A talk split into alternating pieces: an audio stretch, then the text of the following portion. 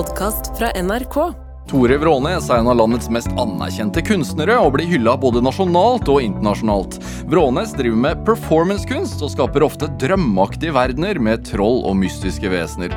Hun utfordrer også gjerne fysiske grenser, både på dypt vann og i luftige svev.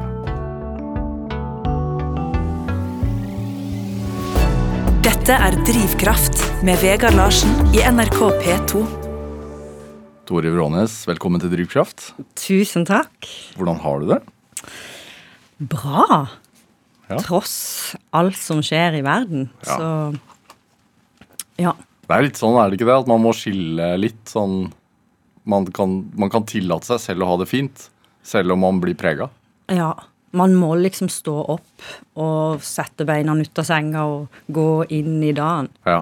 Mm. Hvordan går du inn i dagen? Oi, det er veldig få rutiner i mitt liv, tror jeg. Uh, utenom kaffen, da. Så Men eh, det er vel uh, å stå opp og få med meg en liten tass, som, som jeg har. Mm. Og så få i oss litt mat, og så levere i barnehagen. og så dra enten på atelieret eller eh, i stu, lydstudio eller andre steder. Endrer, Mm. endrer det å måtte gå i barnehagen og få en tass eh, kunst? Helt sikkert. Eh, men jeg tror jeg fortsatt eh, tror at han er en av skulpturene. bare, bare at han puster og, og ha meninger. Veldig tydelige meninger av og til. Ja. Eh, nei, men det gjør jo sikkert det. Det er bare kanskje at man ikke forstår det helt eh.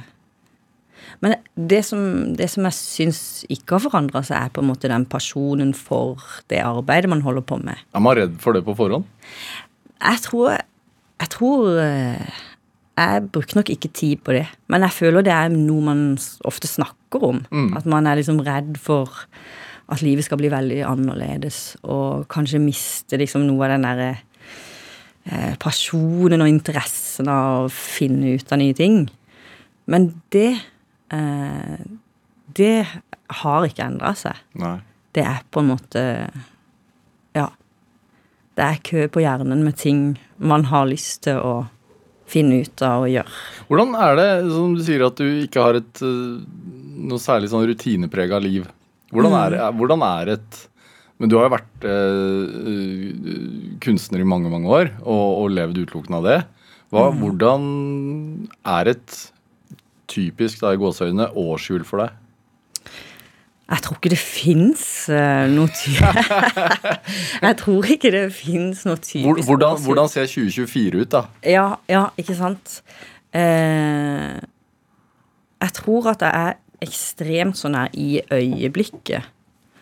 Eh, og av og til kan det være sånn vanskelig å hoppe frem i tid i hjernen. Eh, men et helt sånn vanlig årshjul vil nok bestå av ganske mye reising.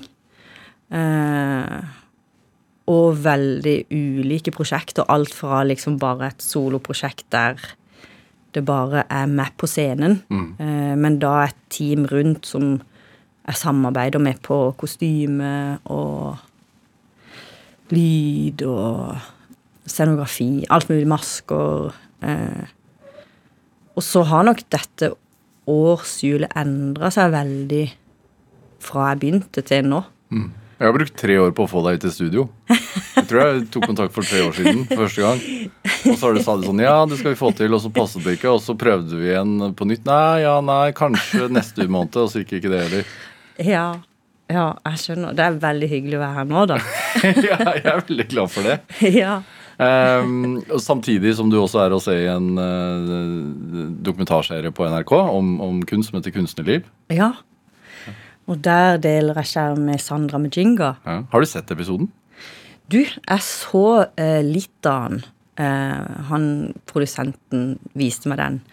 Men jeg må innrømme at jeg liker radio mye bedre. det, det er vel et eller annet med at nå Det er jo litt som å ha på seg en maske å være på radio. Man er litt mer sånn Man gir ikke bort alt. Eh, og jeg vet ikke om det eh, Kanskje Jeg var jo, sang jo i et sånn rockeband for mange år siden. Og det Hva heter det igjen? eh, Nude. Nude, ja. Hvis du prøver å google det, så kommer det bare mye annet Kan rart. tenke deg, ja. Nei, men da, da Da ble jeg på en måte litt sånn frustrert av å hele tida måtte være en sånn frontfigur. Eh, sånn visuelt, på en måte. Så jeg husker når jeg begynte på akademiet. Da var det bare helt sånn tilfeldig, så fant jeg et sånt skjerf som jeg krølla rundt hodet, og så begynte å synge. Og det var en sånn ekstrem frihetsfølelse av å være gjemt inni det derre ullpleddet. Plutselig så var det bare stemmen som var på en måte definerende hvem jeg var. Ikke det der visuelle ytre, på en Hva, måte. hva er befriende med det? Det er på en måte Jeg vet ikke, ved å skjule noe, så åpner du opp noe annet. Det er bare en sånn frihet i å ikke være fullstendig utlevert. Men så, så er vi jo ikke det heller. Når vi står eh, og ser hverandre. Altså når vi sitter her og jeg ser det, så vet jeg jo egentlig ikke hva som foregår inni det. det kan jo være spinnvilt. Ja. Jeg vet at du har eh, noe som heter synestesi. Eh, som er noen sånne greier i, i hjernen at, man har, at sanser blir sammenkobla. Hvordan funker det for deg? For det, det kan fungere forskjellig. Ja. Altså For meg så er det veldig forbundet med form og lyd. At eh, eksempel hvis jeg synger «Oh, di bandido», så, så er det en skulptur for meg. Jeg ser den visuelt. Hvordan da? Eh, jeg kan tegne den for deg. men, men det er faktisk eh, Alle er vel født med det. Eh, så det er noe som vi lærer av oss når vi vokser opp, fordi at vi begynner å forstå systemer og hvordan det egentlig skal være. Eh, og så er det Så det handler vel egentlig bare om at man At farger kan ha eh, stemninger i seg, for eksempel. Eh, og at en form som er blå, eh, kan man få en helt annen stemning av enn en form som er rød. Og så kan man lage helt forskjellig musikk. Altså Man kaller jo jazzen for blå, og tangoen for rød, eksempel. Er det det for deg? Det er litt interessant, for jeg vet ikke om det bare er fordi at jeg har blitt lært det. Ja. Eh, men tekno er veldig gul. Og det er helt sånn ekstremt sterkt. Ja. Men hvordan eh, Unnskyld at jeg spør, men det, for, hvordan, når du, for du ser en farge når du hører tekno? Men, Ja. Eller ser, du ser den i hodet, da? Du ser den ikke i Eh, ja, altså den, Det er bare en opplevelse av en farge. Ja. Nå skal jeg passe meg for ikke å bli for diffus, der, for det, men det er liksom eh, Det er en slags farge Det oppleves som en farge i rommet, rett og slett. Fantastisk. Det høres komplisert ut, men det er veldig enkelt, egentlig. Det er bare en sånn fysisk forståelse av rommet. Ja. Jeg vet at Beethoven også visstnok hadde dette her. Ja, det, er jo ganske mange som har det. Ja, Jimmy Hendrix og så er Stevie Wonder. Flere musikere i hvert fall som jeg har hørt om. Ja, og det er sikkert mange flere eh, som har det, som ikke vet det. Fordi man tenker å gå over det. Og det er jo også noen som har det i forhold til vin og sånn. Vinsmaking. Ja, Har du det? Nei, det har jeg ikke. Så det man har liksom forskjellige områder. Ja, dine er lyd? Eh, ja, altså det er jo det som gjør det litt vanskelig å snakke om, for det er ingen sånn klare grenser. det, det, det liksom blør liksom litt ut i hverandre, da. Men jeg tror nok at eh, akkurat det du spør om der, om- med synestesi, kanskje handler om Kan ses i forhold i hvert fall til sånn som jeg jobber, i forhold med sånn slags dynamikkart i hodet. Ja. At eh, Hva vil det si? Ja, det, hva vil det si? Altså, hvis man, når jeg blir invitert til et sted, så går jeg alltid på site visit.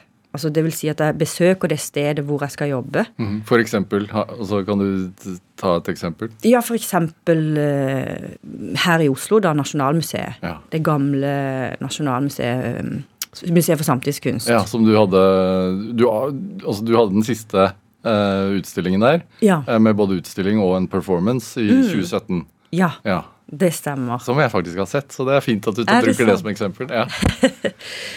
Så hyggelig. Uh, men det er liksom ett eksempel. Men det kan Og Men, der det, men der er det jo marmor. Mm.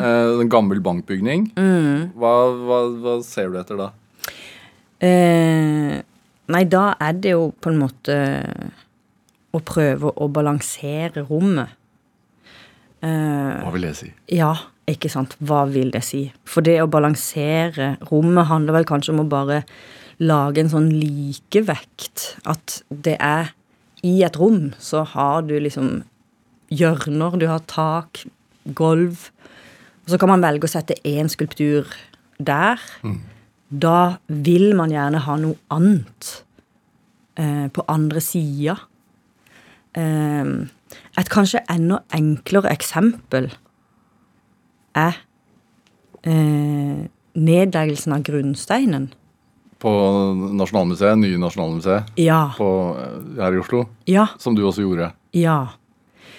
For da handler det liksom om eh, å invitere eh, Eller at Nasjonalmuseet, som da skal etablere seg på en tomt midt i byen, at de på en måte skal hilse ydmykt på naboene. Så det dynamikkartet er både en slags sånn sosial eh, bevegelse i tillegg til en fysisk bevegelse. Så når jeg får den eh, grunnsteinen oppi sekken, så blir jeg løfta opp eh, av en sånn heisekran som står der. Og da eh, vil jeg si at dynamikkartet bruker lufta. Altså høyden. Vi går jo rundt på to meter, så det er jo masse plass over oss. og, og det å få lov til å bruke de um, de heisekranene, eksempel, det er jo helt fantastisk. Hvor høyt, hvor høyt var du? Um, 40 meter, tror jeg. Hva hadde du på deg? Uh, da hadde jeg på meg eh, bare helt, noe helt som vanlig tøy, faktisk. Ja. Um, nei, jeg hadde faktisk høye hæler. men eh, men um, Og, og en Men- ryggsekk da med denne grunnsteinen ja, ja. Og poenget var jo at da allerede så visste vi jo hvordan bygget, arkitekturen, skulle se ut. Så da kunne man bruke de elementene som allerede var på tomta. Så da sitter Øystein i krana, som er spesialist på å kjøre kran, og løfter meg opp med den eh, grunnsteinen. Og så tegner han opp eh, den nye bygningen med min kropp og min stemme som synger. Ja. Og idet jeg letter fra bakken, så begynner rådhusklokkene å spille. Laura Marie Ruslåtten spiller, og vi har en sånn duett. Og da, i mitt hode, så er lyden veldig fysisk. Så den lager linjer i lufta.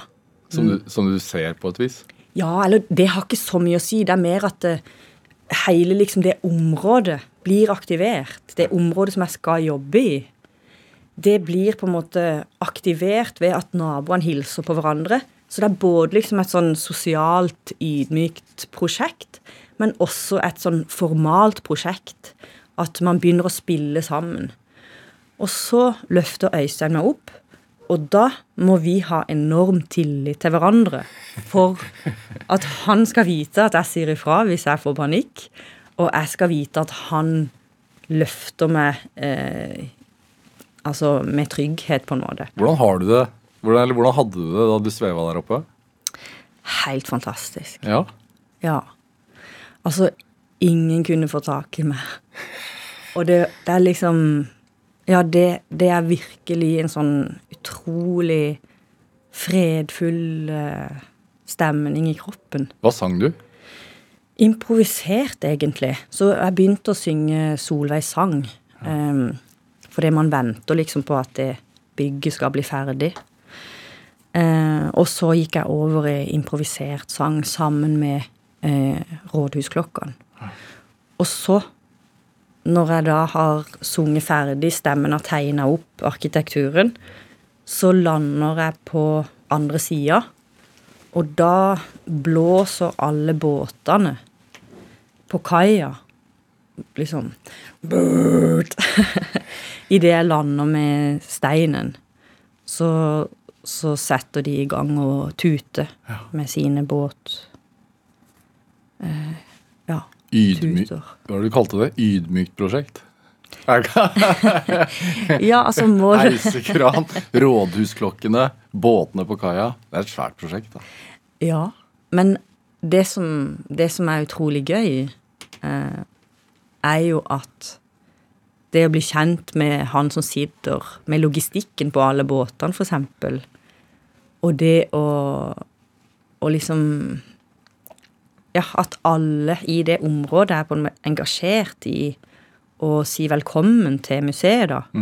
Og museet eh, da eh, rekker ut en hånd og sier 'hei, nå kommer vi, er det greit for dere'? Eh, den handlinga syns jeg på en måte Den er ydmyk. Og så er det kanskje litt eh, stortromme på resten. Hvordan, hvordan føler du for det? Altså i forhold til hvordan, Hvilke følelser gir det deg at du er med på Altså du avslutter på en måte Samtidskunstmuseet sitt reise. Du er med på å åpne det nye Nasjonalmuseet. Og i samarbeid med rådhuset og alle båtene. Og, og folk kommer jo og ser det. Hvor, hva får det deg til å tenke om din egen posisjon? Nei, det tenker jeg ikke så mye over i det hele tatt. Det er mer det møtet med de menneskene som, eh, som er med. Og kanskje et av de fineste øyeblikkene i forbindelse med den, den nedleggelsen av grunnsteinen, det var å se han ene arbeideren fra AF sitte liksom i uniformen, marchin, som sitter og spiller på det flygelet som de har løfta inn og nystemt, som Ellen Ugelvik har sittet og spilt på. Og så, når alt på en måte er ferdig og vi rigger ned, så sitter han og, og spiller på det flygelet. Det, det er liksom Det er så sykt fint. Dette er Drivkraft med Vegard Larsen i NRK P2. Og i dag er eh, kunstner Tore Vrånes her hos meg i Drivkraft på NRK P2. Jeg veit at du for tiden du er, en, du er med på en utstilling på Island. Uh, så, og så er det en utstilling i København, nei, i Århus. Eh, og så jobber du med uh, noe samarbeid med, med danskompaniet Carte Blanche, uh, som skal ut, eh, premiere på Festspillene i Bergen i mai. Eh, hvor du har ansvaret for masken og kostymen og scenografien og koreografien og musikken. så mange prosjekter. Er det Hvordan ser det ut i, i atelieret ditt? Fordi jeg veit at du har atelier her i Oslo, og du lager jo disse kostymene og maskene selv. I hvert fall i stor grad. Eh, sånn som på dette som skal opp nå i mai, hva, hva lager du da?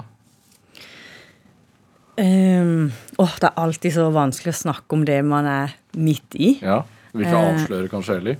Uh, jo, altså Men eh, akkurat nå så er jeg faktisk i lydstudio og jobber med musikken til det.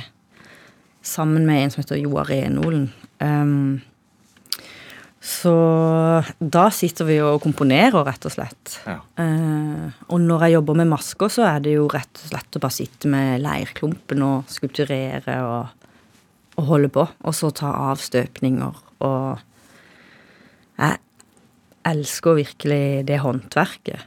Hvorfor det, tror du? Um, fordi det sitter i hendene.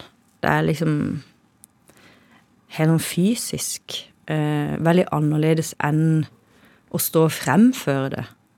Det er liksom Og det er også en sånn god god periode i den her fysiske produksjonen å gjøre seg opp tanker om hva man skal gjøre. Så Hvordan oppstår en tanke? da? For det en, en eh, forestilling eller performance du har, så er det noen sånne urvesener som er nede i vann. Eh, som dere vel hadde i Var det i Thailand? Um, sånne store eh, vet ikke hva man skal kalle det. Kattelignende drakter ja, i oransje og Hvilke farger er det? ja, De er vel litt sånn rødlig-rødbrune. Ja. Mm. Eh, med masker og alt som man har på da utenpå dykkerdrakter. Da. Fordi mye av det foregår under vann, og noe oppå steiner. Mm. Hva, altså, hvordan kommer hvordan, hvordan, kom, hva er, hva tenk, hvordan kommer den ideen til? Ja, eh, det er jo igjen at jeg reiser på en sånn site-visit. Så jeg besøkte Krabi, som er en sånn øy uh, utenfor Bangkok, uh, Thailand. Som mange turister har vært på. Ja, og det er en sånn Rayleigh Beach, heter det der, som er veldig sånn uh, masseturisme. Og når jeg var der, det ligger bare kjøttstykker liksom strødd henover i bikini, liksom. Så det var nok en veldig sånn Og i den perioden så var jeg helt sånn Jeg hadde jobba helt sinnssykt. Så jeg tenkte sånn Nå skal jeg finne et sted der jeg må svømme for å jobbe. Så da svømte vi ut til en sånn liten øy. Uh, og det var der at disse skapningene på en måte kom til. Mm. Uh, for det det var så ekstrem kontrast i det paradiset på den øya og den derre ekstreme turismen, de der bikiniene som bare lå liksom lina opp. Um, så da um, blei liksom fortellinga at disse urskapningene var født ut av fjellets tårer. At det, det er fjellet som gråter, og så blir disse skapningene født. Mm. så det var jo Det var egentlig sånn de kom til, og så måtte publikum svømme eller padle for å se performancen. Stemmer det at det er noen som tror at de var på ekte? Ja, det gikk jo veldig sånn viralt. og det var jo ikke min intensjon i det hele tatt. Uh, men det var rett og slett noen som en fra The Guardian som padla forbi, som var på ferie der, som filma, og så la han det ut, og da sa det bare boom, og så var det ja, helt vilt. Og folk trodde at det var noen sånne, ny, sånne eldre skapninger som hadde kommet ut av fjellet, og de, måtte, de måtte beskyttes fra menneskeheten, og så Men så var det liksom Og en av de spiller fløyte, og hva er det? Og Um, så det var veldig mye sånn uh, Ja, og de sammenligna det med jo aper som bodde i området. Sånn 'Dette pelsen, og denne pelsen', mm. og Hvor lang tid bruker du på et sånt prosjekt? Fra ideen kommer til det utføres? Eh, kanskje Nei, det er helt forskjellig. Men veldig ofte så er det deadline som, som setter liksom Som lukker døra. 'Nå kan du ikke jobbe mer'. Nei. Jeg pleier å jobbe helt til man hvem bestemmer den deadline? Eh, det er vel oppdragsgiver. Mm. Hvem er oppdragsgiver i dette tilfellet? Altså ja, her var det Thailand-biennalen. Ja. Mm. Og da er det sånn at de tar kontakt med deg, eller tar du, kontakt, hvordan funker det? Nei, de tar kontakt med meg, ja. Mm. ja og spør kan du, har du lyst til å stille ut et verk eller lage en, en, en oppsetning hos oss. Mm. Og så sier du ja, og så har du ett år på deg eller to år på deg, liksom? Ja. Noen ganger har man det, og noen ganger har man eh, kortere eller lengre. Ja. Så det er jo veldig sånn ekstremt ulike prosjekter man og, jobber med. Og da, Setter de da et budsjett også, eller hvordan funker Altså Jeg bare lurer på hvordan det funker. Ja.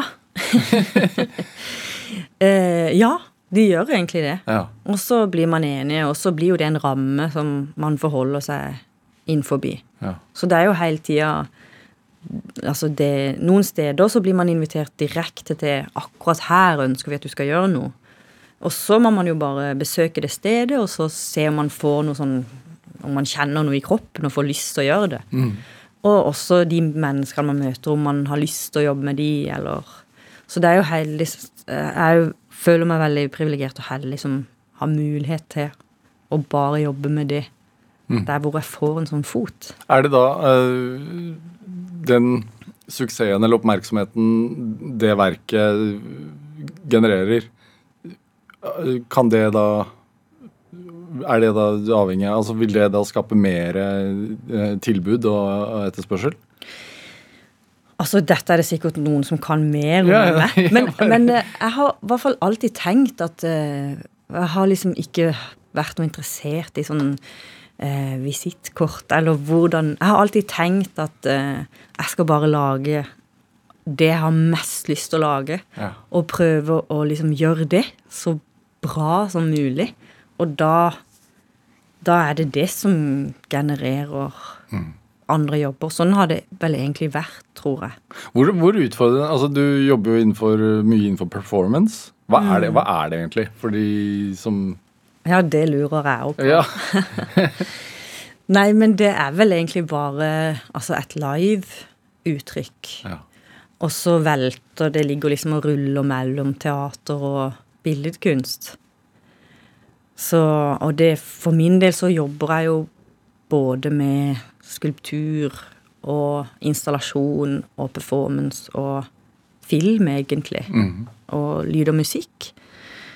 Eh, og for meg så er ikke det mange forskjellige ting. Det er egentlig bare å jobbe med et uttrykk i et rom. Om det er ute eller inne eller Så jeg tenker vel at noen ganger så kan det være skulpturer som egentlig er døde, men de har en puls eller en lyd som gjør at de minner om noe levende. Mm. For eksempel en væske som bare ligger og puster. Ehm, og da grenser jo det til figurteater eller eh, Men hvis du setter den, hvis du legger den på en konsertscene, så blir det kanskje En konsert. som at Væske har en konsert.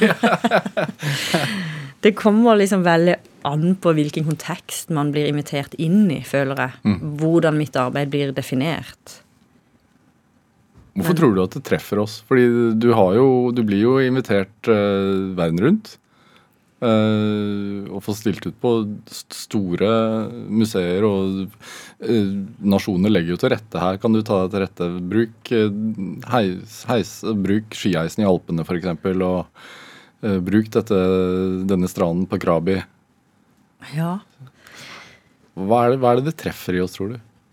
Det er vanskelig for deg å si, kommer du til å si noe, men ja. det er jo heldigvis hva treffer det i deg, da? Ja. Eh, jeg tror for min del så tror jeg at det handler mye om det møtet med de menneskene som er på de stedene jeg drar. Jeg jobber jo alltid med lokale folk. I tillegg til, til mine folk, så, så jobber jeg med lokale folk som er fra det stedet jeg kommer. For det er det eneste på en måte inngangen jeg har til å forstå stedet, og eneste grunnen til at jeg føler at jeg har rett til å komme der, eller selv om jeg er invitert. Så jeg tror nok at um, jeg er veldig interessert i mennesker og potensialet som ligger i mennesker, som vi kanskje ikke bruker, men at det ligger enda mer der enn det vi tror. Og da, Hva vil, det, hva vil det si? Ja, men altså, da tenker jeg både på, på publikum og de jeg jobber med. Eh, at de jeg jobber med eh, Hvis man jobber eksempel eh, med operasangere på sykler, eh, så, så kan det være at de syns det er vanskelig Eller de kan være kjempegode til å synge, de er dritgode til å synge. Eh, men når de sitter på sykler, så glemmer de litt å være flinke. Og da kommer det en ny kvalitet som kanskje gjør at de kan bruke den teknikken om at de er kjempeflinke, men det kommer også en kvalitet av noe som kanskje er mer ekte, fordi de må sykle samtidig, eller et eller annet med tilstedeværelsen som blir litt forskjøvt, sånn at de eh, Hvordan skiller det seg fra en vanlig teaterforestilling? Altså, ofte så kunne det vært en vanlig teaterforestilling også. Og linjene her er jo veldig diffuse, vil jeg si. Men eh, eh, jeg tenker ofte at det like godt kunne vært en konsert òg. men det performance-begrepet uh, Det er det sikkert noen andre som kan forklare bedre enn meg. Jeg syns ofte at det, det uh, kan kanskje forbindes litt eh, med at eh, man er naken. Men eh, det trenger du jo absolutt ikke. Men det er jo en slags tradisjon fra tidligere som kanskje henger litt igjen. Min opplevelse av å, å se deg på, på Samtidskunstmuseet da du hadde performancen din der før de stengte, var jo det at man er til stede i, i salen der, og det er masse folk som, som er på kunstutstilling. Og så er det jo installasjonene dine og, det du har laget, og så kommer du ut utkledd eh, og gjør eh, din greie. Og da blir man jo virkelig tatt med inn i et annet univers. Man glemmer litt hvor man er. Ja. Um, som man ikke opplever i, i det hverdagslige livet, kanskje bortsett fra i fantasi, da. Ja. Uh, som er en sånn unik opplevelse i og for seg. Og veldig annerledes enn å gå på en teater hvor du bare sitter ned og forventer og har en forventning av hva du skal se. Ja, at det er veldig sant. At ehm, For meg så handler det veldig mye om den der totalopplevelsen. At man inviterer publikum inn i en sånn helt annen verden. De ganger man har mulighet til det, da. At ehm, at det, det er jo nettopp den blandinga av skulptur, installasjon, eh, konsert og teater, eh, som man da kanskje kaller performance. Men sånn som i det stykket som jeg gjorde i Malmö, på Lillit Performance Studio, som heter Garden of Left Hand. Eh, de fleste er liksom høyrehendte, så jeg tenkte at jeg skulle lage en sånn hage som var venstrehendt. At den kunne være noe annet enn den vanlige hagen. Og da kommer publikum inn, og så har vi bygd stillaser eh, rundt en sånn gigantisk mage eh, som er eh, i rommet, da. Og så må publikum klatre opp på stativet for å titte inn i sånne små hull. Og da blir hodene til publikum som noen små vorter på den mageveggen. og så er utøverne inni her og, og jobber, eh, beveger seg, og om de er liksom et blodsystem eller hva de er, det vet vi ikke helt. Men, men det er jo da i hvert fall eh, eh, at jeg synger, og det er improviserer live. Da spiller vi i tre timer, og så alt liksom bare velter over i hverandre. Så man, man ser egentlig inn i en stor mage, og så vet man ikke om det er Er det min egen mage jeg står her og kikker inn i, eller er det liksom magen til Malmö, eller magen til Europa? Um, hva, hva skjer i denne lille kulturen her som vi kikker inn på? Dette er Drivkraft med Vegard Larsen i NRK P2. Og i dag er eh, kunstner Tori Vrånes gjest her hos meg i Drivkraft på NRK P2. Det med verdener. Hvor er din liksom urverden? Oi, det var vel Var ikke det inni maven til min mor? Eller ehm, Altså, i hvert fall den verden jeg liker meg veldig godt i, det er kanskje der jeg vokste opp. Hvor er det? I Randesund i Kristiansand. Hva slags sted er det? Det er et hus i skauen med sjøen. Og Med masse sk altså langt til naboen, liksom? ja. Ja. Ja. Det var sånn at man eh, ikke hadde en bestevenninne, eller bestevenn. Men eh, man hadde jo søs søster og bror, da. ja. Hvor er du? Midten. Ja. Så Hvorfor, hvorfor er den verden så Hvorfor satt den så preg?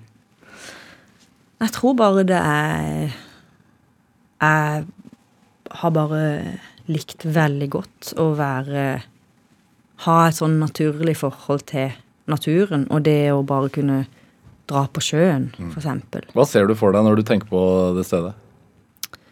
Eh, Da ser jeg for meg familien, kanskje.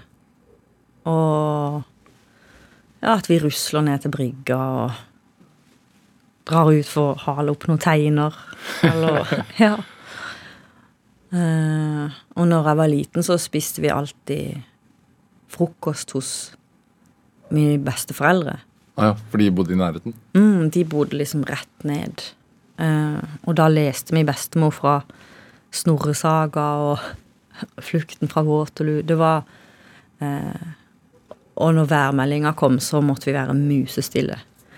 For det, det var liksom det viktigste for min bestefar var, og min onkel også var fulltidsfiskere. Så det var jo liksom Værmeldinga avgjorde om man kunne dra på jobb eller Ja. Det var veldig viktig. Hva gjorde foreldrene dine? Eh, min mor er lærer, og min far er ornitolog. Ja. Så han var også Også. glad i å være i skogen, da, med andre ord. Ja, veldig. Altså fugle... Er vel da fugleekspert, Mm, for å oversette det. mm. Ble, Ja. Blir man det da også naturlig som barn? Opptatt av fugler? Ja, det tror jeg nok. Altså, det er jo veldig fascinerende å sitte med min far og så si sånn Ja, hør nå, hør nå. Nå krangler de. Nå er hun hissig. og så er det fuglekvitter, liksom. Ja. Det er jo veldig spennende. Apropos en annen verden, så er jo det virkelig en, et annet språk. Eh, som det er med alle ting, så er det jo så spennende å ha masse kunnskap om noe. Jeg lærte det ganske Det er ikke så lenge siden jeg lærte det. Hadde, vi hadde en fugleekspert her i studio og fortalte det at eh, det høres jo hyggelig ut når de kvitrer, men egentlig så kjefter de på hverandre som bare, bare det. Ja, ja. Hva Hvem var du, da? Var du en drømmer? Jeg tror egentlig jeg var veldig sånn planta i bakken. Veldig jorda. Ehm, ja. Hva vil det si? Likte å leke og ja. Hadde Løp rundt i skauen og Lagde du deg verdener da også? Eh, Det gjør man vel som barn. Ja. Så lager man seg verdener og Hva besto din av, da? eh, Altså, det var vel kanskje mye håndball?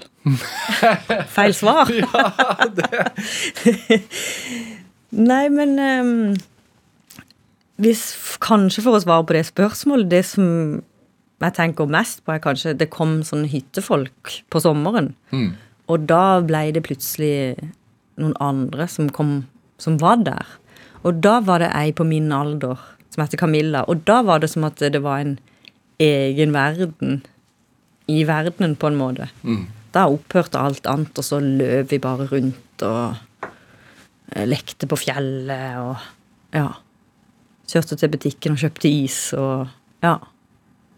Men jeg tenker på, på en del av um, kostymene du lager. så Du har jo uh, fått mye oppmerksomhet for, for troll, f.eks. Um, som man jo også har et sterkt forhold til som barn. Er det Har det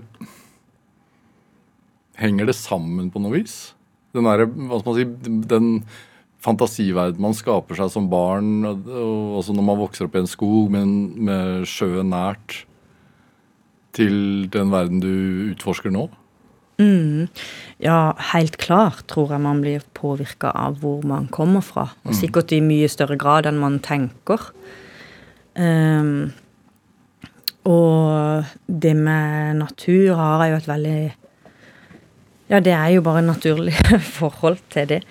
Uh, og trollet er jo liksom i skauen. Men, men jeg tenker kanskje at uh, for meg så var det med troll det dukka vel egentlig opp når jeg skulle gjøre et verk til Sydney-biennalen i Australia. Og da tenkte jeg sånn Men hva er det som er typisk meg? For det, det er jo alltid fint å ha noe som er, som, som er personlig når du drar et annet sted, eller Og det var vel da jeg begynte å jobbe med trollet, og da Egentlig så tenker jeg at vi er troll, alle sammen. Fordi at um, Trollet er liksom hele spekteret av å være menneske. Det er liksom både det stygge og det fine og det onde og det gode og liksom alt sammen, mens vi i hverdagen går liksom rundt og prøver å fremstå så fine vi kan. Mens jeg syns jo det mest interessante er jo bare å være menneske, på godt og vondt. Mm. Så det var vel der trollet kom. Og at trollet bare kommer ut når det er mørkt. Eh, Men at man skulle ønske at trollet bare var ute hele tida. Og turte, å- turte å være seg sjøl. Og ikke bevege seg i verden for å tilfredsstille noe andre syns eh, du skal, eller mener du skal gjøre. Er det følelser du har følt på selv? Ja, det er sikkert noe alle eh, kjenner på. At man kanskje ikke passer inn, eller eh, Ja. Så jeg tror nok det henger sammen med eh, det behovet for å lage sånne fantasiverdener. Der på en måte det ikke er noen regler, og du kan gjøre hva som helst. Og til og med liksom kroppen er forandra. Du trenger ikke å jogge hver morgen. Du kan bare ha et stort pelskostyme. Eller ikke kostyme engang, bare være, være det vesenet, eller Ja. Ja. Så Hvordan var det hjemme hos dere? Var det rigid? Var det strenge regler? Nei, jeg tror ikke vi hadde en eneste regel.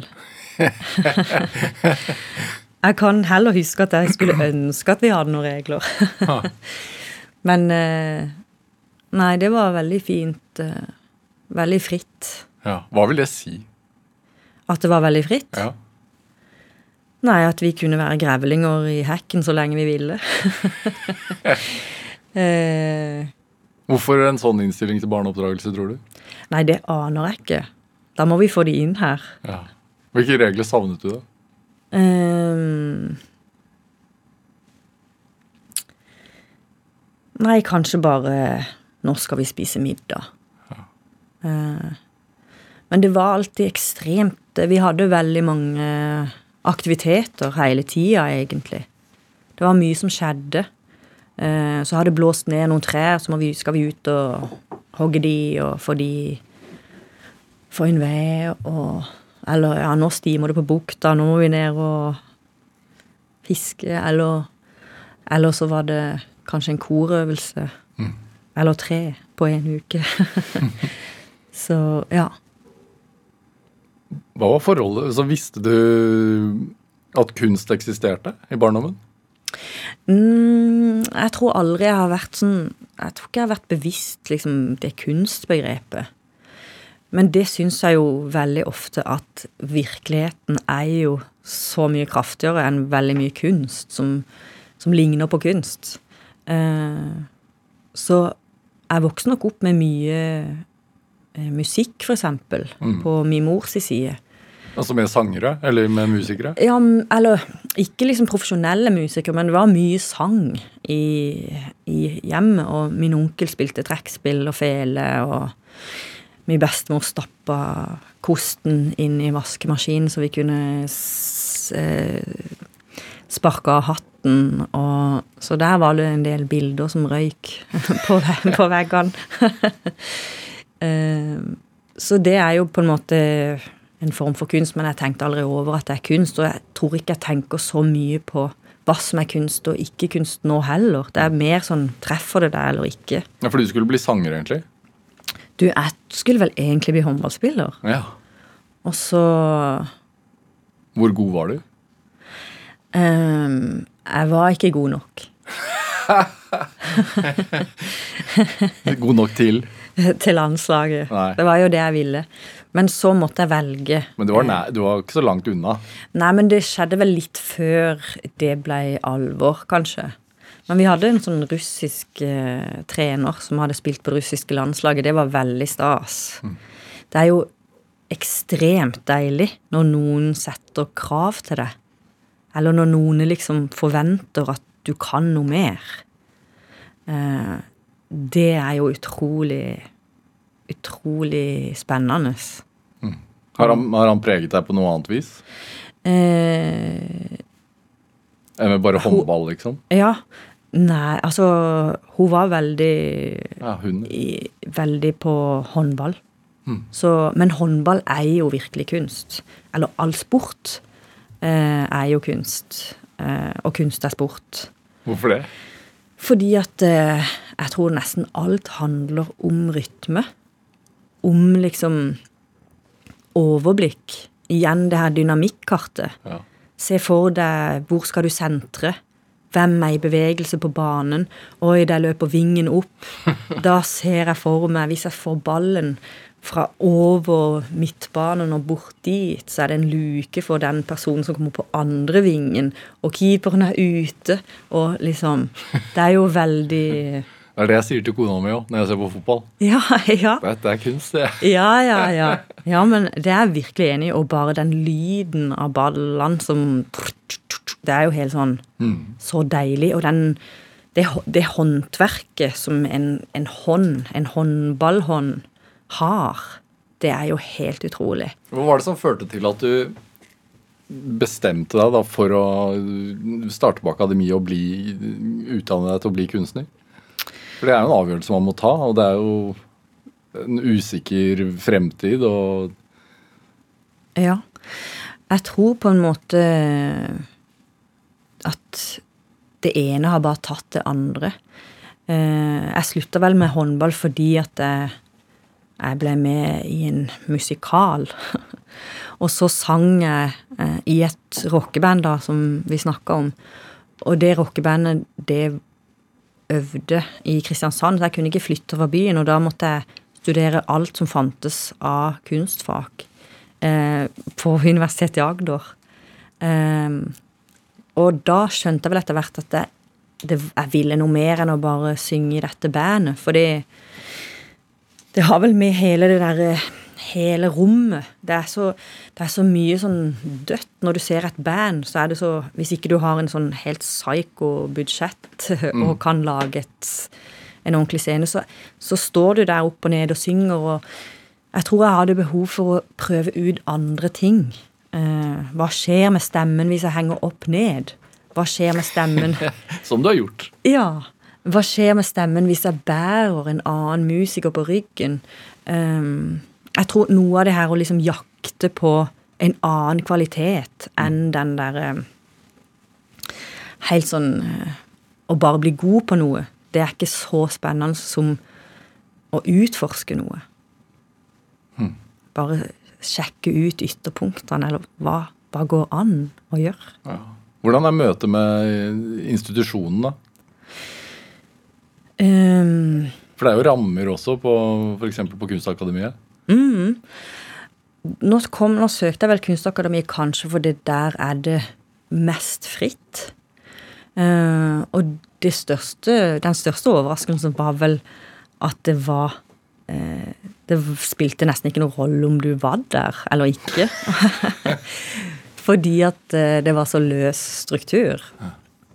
Nå har sikkert det endra seg en del, da, men, men eh, det var Det var veldig det var veldig fint å begynne på akademi, og mest av alt pga. grunn av alle medelevene. At man kommer inn i et sånt miljø der, der man skjønner hva man snakker om, eh, eller ikke skjønner det, sammen.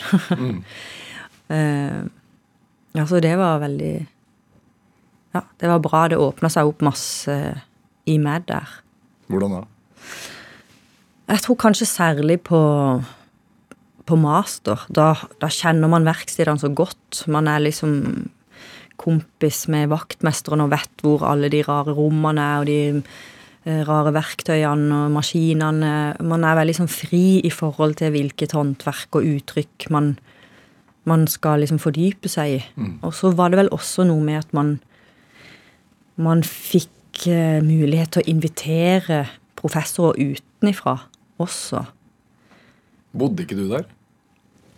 jo, eh, ja. For jeg hadde brukt opp, eh, jeg hadde brukt opp all, eh, alt studielån på i Kristiansand når jeg sang i det bandet. Så jeg hadde ikke noe mer studielån igjen, så da måtte jeg faktisk Jeg bodde på tre forskjellige steder på akademiet, for de holdt på å flytte over til Seilduksfabrikken.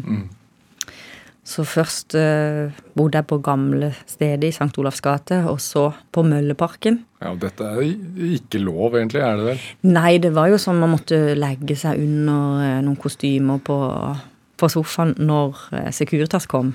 Men jeg visste jo når Securitas kom, så jeg kunne liksom forberede og Hvor lenge gjorde du det?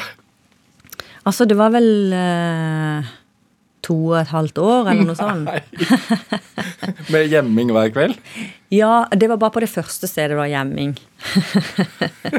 og så på, på det andre stedet, der, der var det ikke gjemming. Der, eh, der gikk det veldig greit. Men der lå Friskis og Svettis i samme bygg. Ja.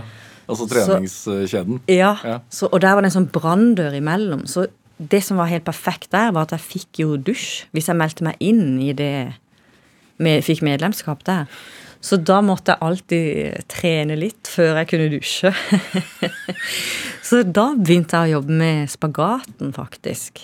Og da kom jeg ned i spagaten. Det var veldig fint. Jeg føler at måten jeg lever på, skaper noe, liksom mye av de ideene til prosjektene. Ja. Hva, tenkte, hva gikk gjennom hodet ditt da når du i to og et halvt år bodde i smug på, på akademiet? Nei, det var egentlig veldig fint. På det, på det siste stedet jeg bodde, på Seilhusfabrikken, der eh, flytta det også inn en tysk eh, utvekslingsstudent. I smug? Ja, så det var sånn vi tok vann i håret når det regna. Hvor sov du, da? Nei, da sov jeg faktisk rett med fossen der. Ja, ja, men inne altså, Ja, inne på sofa, atelieret. liksom? Ja. Jeg hadde en sånn sofa som blei til en pult på dagtid. Så Nei, men det var veldig fin tid. Og, og eh, det derre kortet som vi fikk på KIO, for det, da hadde jo alle kunstfagene blitt slått sammen.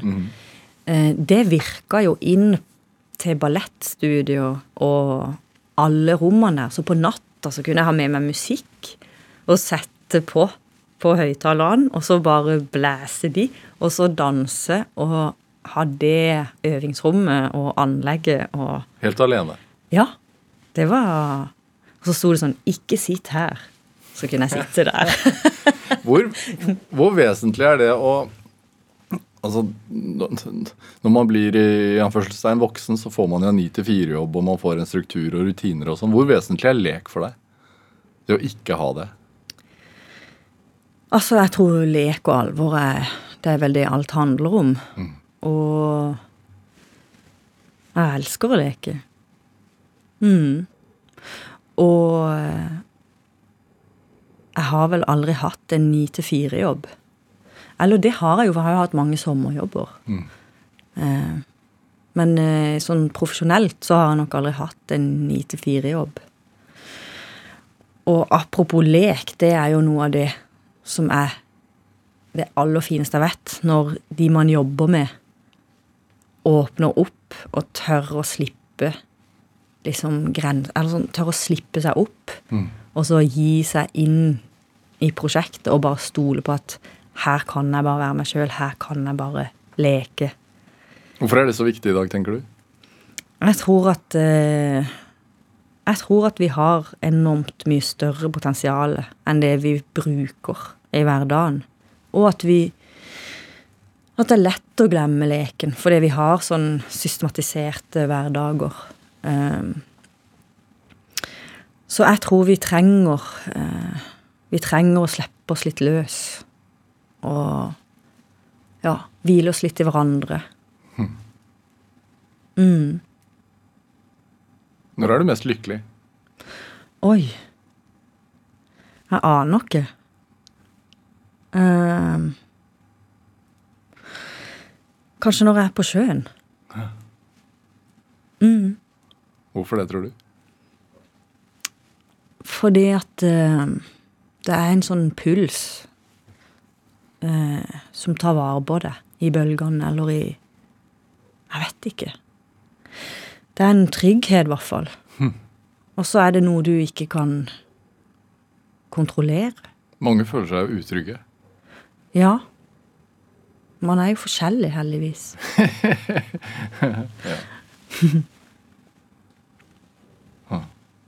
Nei.